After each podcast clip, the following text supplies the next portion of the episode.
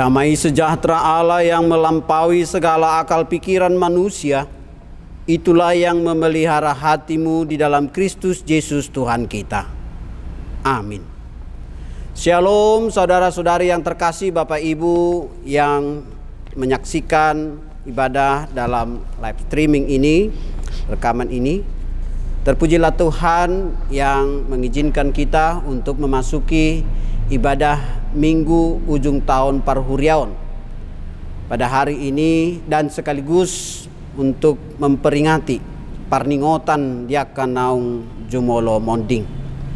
Firman Tuhan yang menjadi renungan bagi kita pada minggu ini dari surat Rasul Paulus kepada jemaat di Korintus dari 1 Korintus pasal 15 mulai dari ayat 50 sampai dengan ayat 58. Demikian firman Tuhan.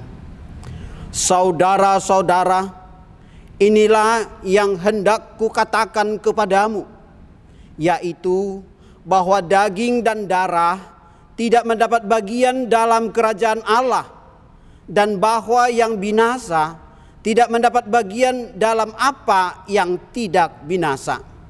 Sesungguhnya Aku menyatakan kepadamu suatu rahasia. Kita tidak akan mati semuanya, tetapi kita semuanya akan diubah dalam sekejap mata pada waktu bunyi nafiri yang terakhir. Sebab nafiri akan berbunyi dan orang-orang mati akan dibangkitkan dalam keadaan yang tidak dapat binasa dan kita semua akan diubah. Karena yang dapat binasa ini harus mengenakan yang tidak dapat binasa. Dan yang dapat mati ini harus mengenakan yang tidak dapat mati. Dan sesudah yang dapat binasa ini mengenakan yang tidak dapat binasa dan yang dapat mati ini mengenakan yang tidak dapat mati, maka akan genaplah firman Tuhan yang tertulis maut telah ditelan dalam kemenangan. Hai maut di manakah kemenanganmu? Hai maut di manakah sengatmu? Sengat maut ialah dosa dan kuasa dosa ialah hukum Taurat. Tetapi syukur kepada Allah yang telah memberikan kepada kita kemenangan oleh Yesus Kristus Tuhan kita. Karena itu, saudara-saudaraku yang kekasih, berdirilah teguh, jangan goyah, dan giatlah selalu dalam pekerjaan Tuhan, sebab kamu tahu bahwa dalam persekutuan dengan Tuhan, jerih payahmu tidak sia-sia. Demikian pembacaan firman Tuhan. Bapak, ibu, saudara-saudari yang terkasih dalam Tuhan Yesus Kristus, pada minggu ini kita masuk dalam peringatan tentang saudara-saudara kita yang telah lebih dulu meninggal. Dalam pemahaman kita, gereja menyatakan bahwa minggu ini adalah minggu ujuk tahun Parhuriaun. Artinya ada satu momen penting dalam hidup kita yang harus kita refleksikan apakah perjalanan hidup kita benar-benar memahami tujuan Tuhan memberikan kehidupan ini. Dan apakah pada akhir dari semua tujuan ini kita tahu ke mana arah kita akhirnya. Bapak ibu saudara yang terkasih dalam renungan ini ada beberapa topik penting yang harus kita pahami. Sebab ini adalah bagian dari surat Rasul Paulus kepada jemaat di Korintus. 1 Korintus 15 ini. Dan lebih khusus lagi berbicara tentang pergumulan apa akhir dari kehidupan ini. Apakah hanya sampai pada kematian atau masih adakah rahasia lain setelah kita masuk dalam kematian tersebut? Pergumulan ini menjadi dialog yang tajam di tengah-tengah jemaat di Korintus. Dan mungkin juga menjadi pengalaman bagi kita di tengah-tengah hidup kita di masa-masa dua tahun terakhir ini kita melewati masa-masa pandemi COVID. Kita melihat banyak sekali kematian demi kematian terjadi. Dan bahkan sangat menyedihkan karena akibat pandemi itu yang biasanya kita memiliki tradisi, budaya, persekutuan, melaksanakan penghiburan, melaksanakan ibadah, memberangkatkan mayat yang sudah meninggal, saudara-saudara yang dikasihi, itu tidak bisa dilaksanakan akibat dari pandemi tersebut. Sehingga kematian itu menjadi sebuah penderitaan yang semakin dalam karena tidak bisa berjumpa dan menemui saudara-saudara kita yang telah lebih dahulu tersebut. Apakah hanya sampai di situ? Melalui nat firman Tuhan ini Bapak Ibu saudara-saudara yang terkasih diajar oleh firman Tuhan yang disampaikan oleh Rasul Paulus kepada jemaat di Korintus. Ada beberapa hal diskusi yang penting. Yang pertama, bahwa jemaat di Korintus ada yang masih menolak bahwa ada kebangkitan dari orang mati. Karena dalam pemahaman Yahudi, ketika mereka telah meninggal, mereka masuk kepada Sheol. Itu tempat orang-orang mati. Dan itu belum tahu bagaimana akhirnya. Namun tidak hanya sampai di situ. Pemahaman-pemahaman dunia juga mengatakan bahwa tubuh ini tidak bisa sampai kepada kekekalan. Sehingga dalam pengajaran perspektif dualisme Yahudi ada yang mengatakan bahwa tubuh yang buruk ini, yang fana ini, materi ini harus ditinggalkan. Untuk apa? Untuk melepaskan jiwa yang terpenjara. Tetapi bagaimana usaha manusia bisa melepaskan jiwa dari tubuhnya dan bagaimana akhirnya mereka bisa mendapatkan jiwa yang merasakan damai sukacita setelah kematian. Sebagaimana kita baca tadi di dalam pernyataan uh, pengkhotbah tentang peristiwa-peristiwa makna daripada kehidupan dan kematian. Bapak Ibu saudara yang terkasih, menjadi sebuah rahasia yang mungkin sulit dipahami tetapi bisa terjadi. Apakah kematian ini adalah sesuatu yang harus dilawan atau dihindari?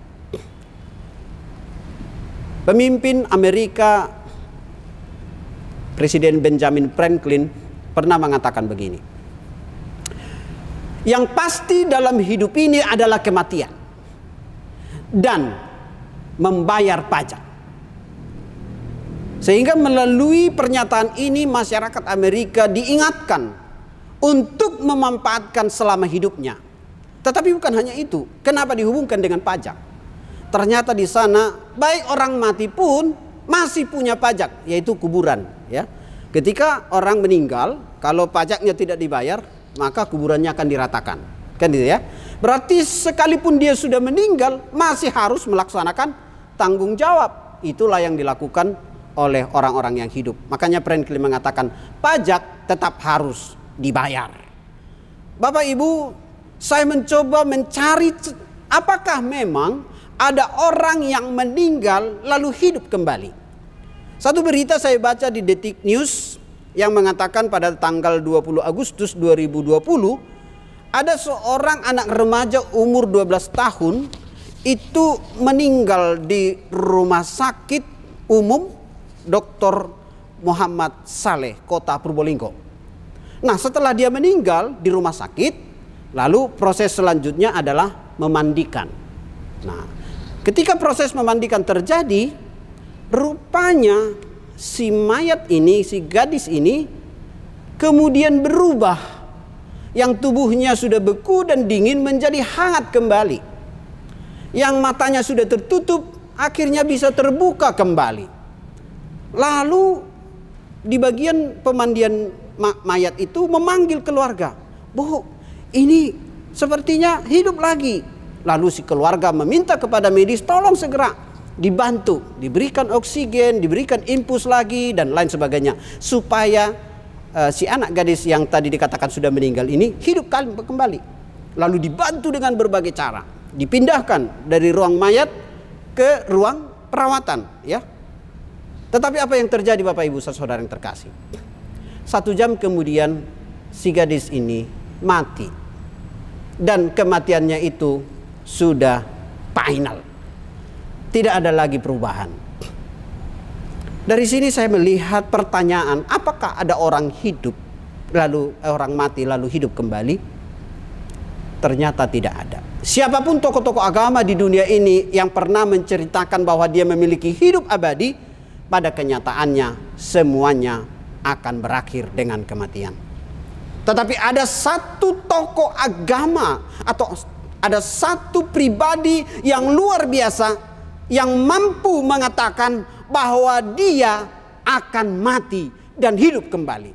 Nah, ini rahasia yang sangat besar bahkan ketika saya membaca tulisan dari Amang STP Siahan, Amang Pendeta, ada seorang yang bernama Morris berusaha untuk menolak pernyataan itu.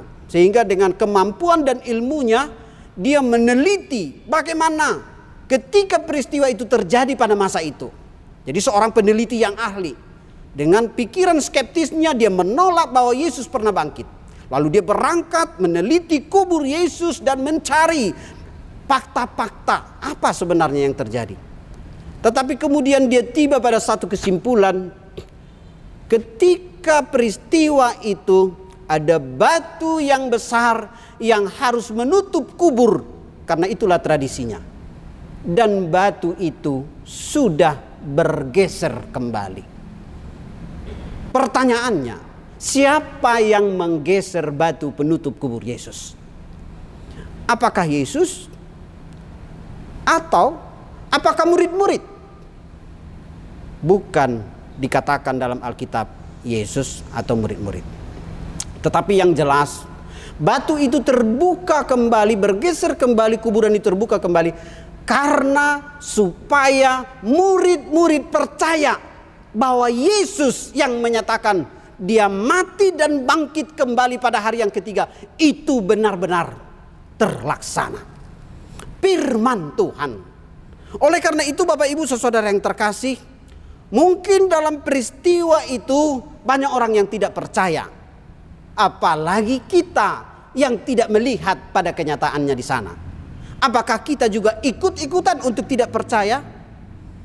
Nats firman Tuhan ini mengajak kita untuk membuka pemahaman teologis kita bahwa apa yang terjadi pada masa itu dan sekarang ada dalam kuasa Tuhan.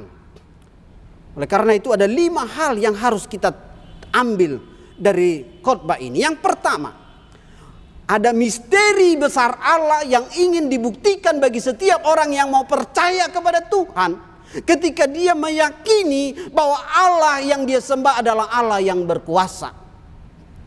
Oleh karena itu jika kita percaya bahwa Allah kita adalah Allah yang berkuasa, maka dia akan sanggup untuk melakukan segala perkara di luar kemampuan manusia sendiri. Melalui nas firman Tuhan ini diingatkan, saudara-saudara, inilah yang hendak kukatakan kepadamu tentang daging dan darah yang tidak memiliki bagian dalam kerajaan Allah. Sesungguhnya aku menyatakan kepadamu ada suatu rahasia besar. Kita tidak akan mati semua, tetapi kita semuanya akan diubahkan. Dalam sebuah makna proses perubahan ini antara orang mati menjadi hidup dan kemudian ada proses pengangkatan dalam bahasa Inggris dikatakan rapture ya. Tapi kalau saya buat dalam bahasa bahasa rapture gitu ya. Rapture itu bahasa Bataknya rapture ya. Artinya apa? Ada perubahan yang Tuhan sempurnakan.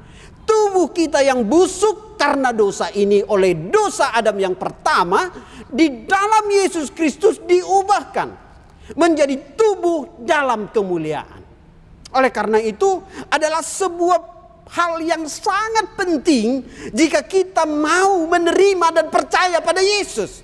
Karena tanpa Yesus, tanpa darah Yesus, tanpa kuasa Yesus, maka tubuh kita selama-lamanya akan tinggal dalam kematian. Dan selain daripada itu, ada proses yang begitu cepat di mana orang tidak sempat lagi untuk berpikir apakah aku bisa sampai mengalami tubuh kemuliaan itu. Tetapi Tuhan berkata itu terjadi karena iman. Haporseaon pakirimun namangulu. Iman adalah sebuah pernyataan pengakuan tentang siapa yang kita percaya oleh karena itu, itu tidak menunggu lama jika kita sudah percaya. Yang ketiga, terjadi di saat Kristus menyatakan kuasanya. Pada masa Kristus di saat itu telah dikuburkan, tetapi ketika hari ketiga Yesus bangkit, Yesus tidak dibatasi oleh tembok, oleh pintu, oleh jendela, oleh elemen-elemen dunia ini. Karena apa? ketika semua pintu jendela terkunci, Yesus bisa masuk. Tujuannya supaya murid-murid teguh iman percaya kepada Yesus. Jadi ketika tubuh kemuliaan ini telah dipulihkan di dalam Yesus, maka sebagaimana Yesus yang telah mati dan bangkit, demikian kita Bapak Ibu. Kita akan mengalami tubuh kemuliaan, proses transformasi tubuh yang merasakan per pemulihan dalam Tuhan adalah sebuah kebahagiaan jika kita boleh sampai dalam bagian itu. Itu yang disampaikan oleh Rasul Paulus. Oleh karena itu, jangan kita ragu tentang kuasa Yesus yang mampu mengubahkan. Bahkan jika kita hubungkan antara hidup lama dengan hidup baru, itu adalah sebuah proses di mana Tuhan ingin menunjukkan karya pertolongan dan keselamatannya bagi kita. Oleh karena itu jangan ragu. Pada bagian yang keempat, ibaratkan benih seperti uh, tunas yang akan tumbuh dari benih. Kita tahu biji, kalau biji itu tidak diletakkan di tanah, Bapak Ibu saudara yang terkasih, dia tidak akan bisa hidup. Atau bahkan sudah mati. Jadi biji itu antara hidup dan mati, ya. Tetapi ketika dia akan diletakkan di tanah atau di bagian di mana dia bisa tumbuh, maka dia harus keluar dari cangkangnya. Ibaratkan seperti biji korma, jika itu ditanam di atas pasir, itu akan segera melayang karena apa ada badai. Tapi jika dia ditanam dalam dan ditimpa dengan batu, maka dia akan menembus akarnya sampai mendapatkan air dan kemudian mendongkrak mengangkat batu tersebut sehingga dia bisa tumbuh menjadi pohon korma yang menghasilkan buah yang sangat baik. Seperti itulah kita. Dia harus mati dulu. Lalu setelah dia mengalami kematian itu, maka dia keluar dari cangkangnya sehingga dia boleh berakar, bertumbuh dan berbuah transformasi yang dilakukan oleh Yesus bagi kita ketika dia telah mati dan bangkit dari kematian untuk membawa kita pada kehidupan kekal. Perubahan ini terjadi ketika kita percaya dan terima Yesus sebagai Tuhan dan Juru Selamat kita. Jangan kita berhenti hanya sekedar percaya, tetapi tanpa ketaatan untuk mengikut dan berjalan bersama dia. Murid-murid pada awalnya ragu dan tidak begitu meyakini ketika mereka melihat bahwa Yesus telah dikubur, lalu mereka kembali kepada pekerjaannya masing-masing. Tetapi kemudian ketika Yesus menunjukkan dirinya kepada mereka sampai perjalanan murid ke Emmaus, Yesus mendampingi mereka Lalu setelah mereka sadar dan mengerti bahwa mereka sedang berjalan bersama Tuhan, lalu Tuhan segera meninggalkan mereka. Karena apa? Karena mereka sudah sangat merasakan pertolongan dan penyertaan Tuhan dalam hidupnya. Bapak Ibu saudara yang terkasih, kita mengalami banyak peristiwa akhir-akhir ini. Ada gempa yang kita lihat dan saksikan di Tapanuli melalui media-media Bahkan juga di situasi-situasi sekarang ini banyak banjir terjadi di mana-mana. Bahkan alam yang mengalami berbagai kerusakan. Jika dihubungkan dengan tema kita ini adalah sangat memilukan. Jika dalam semua peristiwa kejadian alam ini, bahkan dalam semua persoalan hidup kita ini, kita tidak memiliki gantungan, kita tidak memiliki pegangan, kita tidak memiliki keyakinan. Oleh karena itu, di dalam perdinga meringatkan saudara-saudara kita yang telah lebih dahulu meninggal. Pesan dari firman Tuhan supaya kita meyakini bahwa hanya di dalam Tuhan Yesus Tuhan bagi orang-orang yang percaya akan menjadi keselamatan sampai kekekalan. Bahkan dikatakan dalam Roma 14 ayat 7 sampai 9, Yesus itu adalah Tuhan bagi orang yang mati maupun bagi orang yang hidup. Oleh karena itu tidak ada batasan. Jikapun kita akan mati Tuhan ada. Jikapun kita akan dibangkitkan itu karena kuasa Tuhan. Sebagaimana Yesus dibangkitkan oleh Allah. Oleh karena itu pemazmur berkata berharga di mata Tuhan kematian orang yang percaya. Jadi orang yang percaya itulah yang berharga di mata Tuhan. Jadi bukan karena harta benda, jabatan, pangkat, deposito dan segala hal yang bersifat duniawi ini. Tetapi yang paling berharga adalah orang yang percaya di mata Tuhan. Mari kita buka hati kita, kita yakini kita sebagai manusia berdosa membutuhkan anugerah keselamatan di dalam Yesus dan itu hanya bisa diterima dengan iman. Iman yang menyelamatkan adalah iman yang percaya bahwa Yesus adalah Tuhan dan juru selamat dalam hidup kita. Hidup kita ini bisa saja mengalami banyak masalah, dosa. Seperti ibaratkan komputer, ada virus-virus yang akan masuk setiap saat sehingga dia perlu di-upgrade ya perlu untuk diperbaiki. Hidup kita harus perlu diperbaiki. Dari sikap perlakuan kita yang belum percaya menjadi percaya, yang ragu-ragu menjadi yakin. Bahkan yang hanya menerima Yesus sebagai Tuhan untuk dirinya sendiri sekarang harus terbuka untuk menyaksikan bahwa Yesus Kristus adalah Tuhan bagi seluruh orang. Karena apa? Karena itulah tujuan kesaksian firman Tuhan yang disampaikan oleh Rasul Paulus kepada jemaat di Korintus. Oleh karena itu Bapak Ibu Saudara yang terkasih, jika pun kita mengenang saudara-saudara kita yang telah terlebih dahulu, sebagai orang percaya, kita harus yakin bahwa kita akan berjumpa kembali bersama mereka, bersama Yesus Kristus. Nah, tugas kita sekarang, mari kita ingat, teman-teman kita yang belum percaya, yang belum menerima Yesus sebagai Tuhan dan Juru Selamatnya, seperti Lazarus yang telah duduk di pangkuan Abraham. Bahkan orang kaya yang berkata, suruhlah Lazarus untuk memberikan saya minum. Suruhlah dari surga untuk menyampaikan supaya saudara saya tidak binasa. Abraham bilang, sudah cukup. Jangan sampai kita terlambat dalam menerima Tuhan dan Juru Selamat atas hidup kita. Biarlah dalam semua pergumulan kita, kita selalu setia dan percaya pengkhotbah Wahyu Wahyu Pangukapun 2 ayat 10 berkata Saya berjumah ho rasi rasa mate dungi leonok kumatuho tupal hangoluan Saya berjumah ho rasi rasa mate dungi leonok kumaho tuho tupal hangoluan Tuhan mengajak kita sampai akhir hidup kita pun kita tetap setia dan percaya. Tuhan Yesus memberkati kita. Mari kita berdoa. Tuhan Allah Bapa, kami bersyukur karena Engkau hadir dalam hidup kami. Di dalam kehidupan ini, kami tidak sanggup berjalan tanpa pertolongan-Mu. Biarlah dengan firman-Mu yang sudah kami dengar pada saat ini, meyakinkan kami bahwa kuasamu di dalam Yesus Kristus sanggup untuk membangkitkan kematian menjadi kehidupan selama-lamanya. Melalui kehidupan kami yang penuh dengan pergumulan dan dosa, Tuhan telah menebus kami oleh darahmu yang kudus.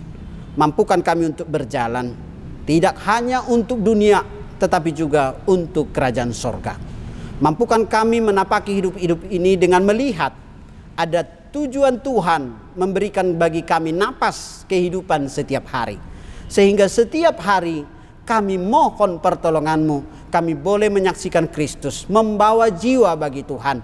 Bahkan memanfaatkan waktu kami untuk melayani, bersaksi, bahkan juga untuk saling menopang, saling membagi di dalam seluruh kebutuhan pelayanan dan kesaksian-kesaksian kami.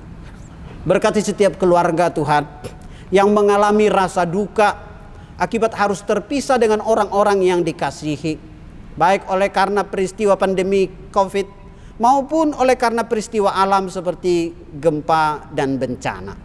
Biarlah Tuhan berkenan untuk menghibur dan menguatkan saudara kami yang bersedih sehingga mereka memiliki iman bahwa setiap orang yang percaya di dalam Yesus akan dipertemukan bersama Tuhan. Sehingga kami tidak menjadi orang-orang yang kurang percaya bahkan yang melupakan bahwa hidup kami sementara. Ajari kami Tuhan melalui firman-Mu dan semua para hamba-hambamu firman Tuhan yang diberitakan dalam gereja dan pelayanan membawa semakin banyak orang yang setia kepada Tuhan. Kami berdoa untuk semua gerejamu yang terbuka untuk Tuhan pakai memberitakan firman berkati di setiap kesaksian baik dalam pelayanan penjara, rumah sakit, bahkan juga pelayanan-pelayanan di outreach, di mana pun gerejamu Tuhan tempatkan untuk bersaksi. Melalui persekutuan koinonia maupun diakonia, biarlah kami menyaksikannya dalam semua dukungan kami dalam melayani. Berkati juga Tuhan para gerejamu, khususnya HKBP yang dipimpin oleh Eporus kami.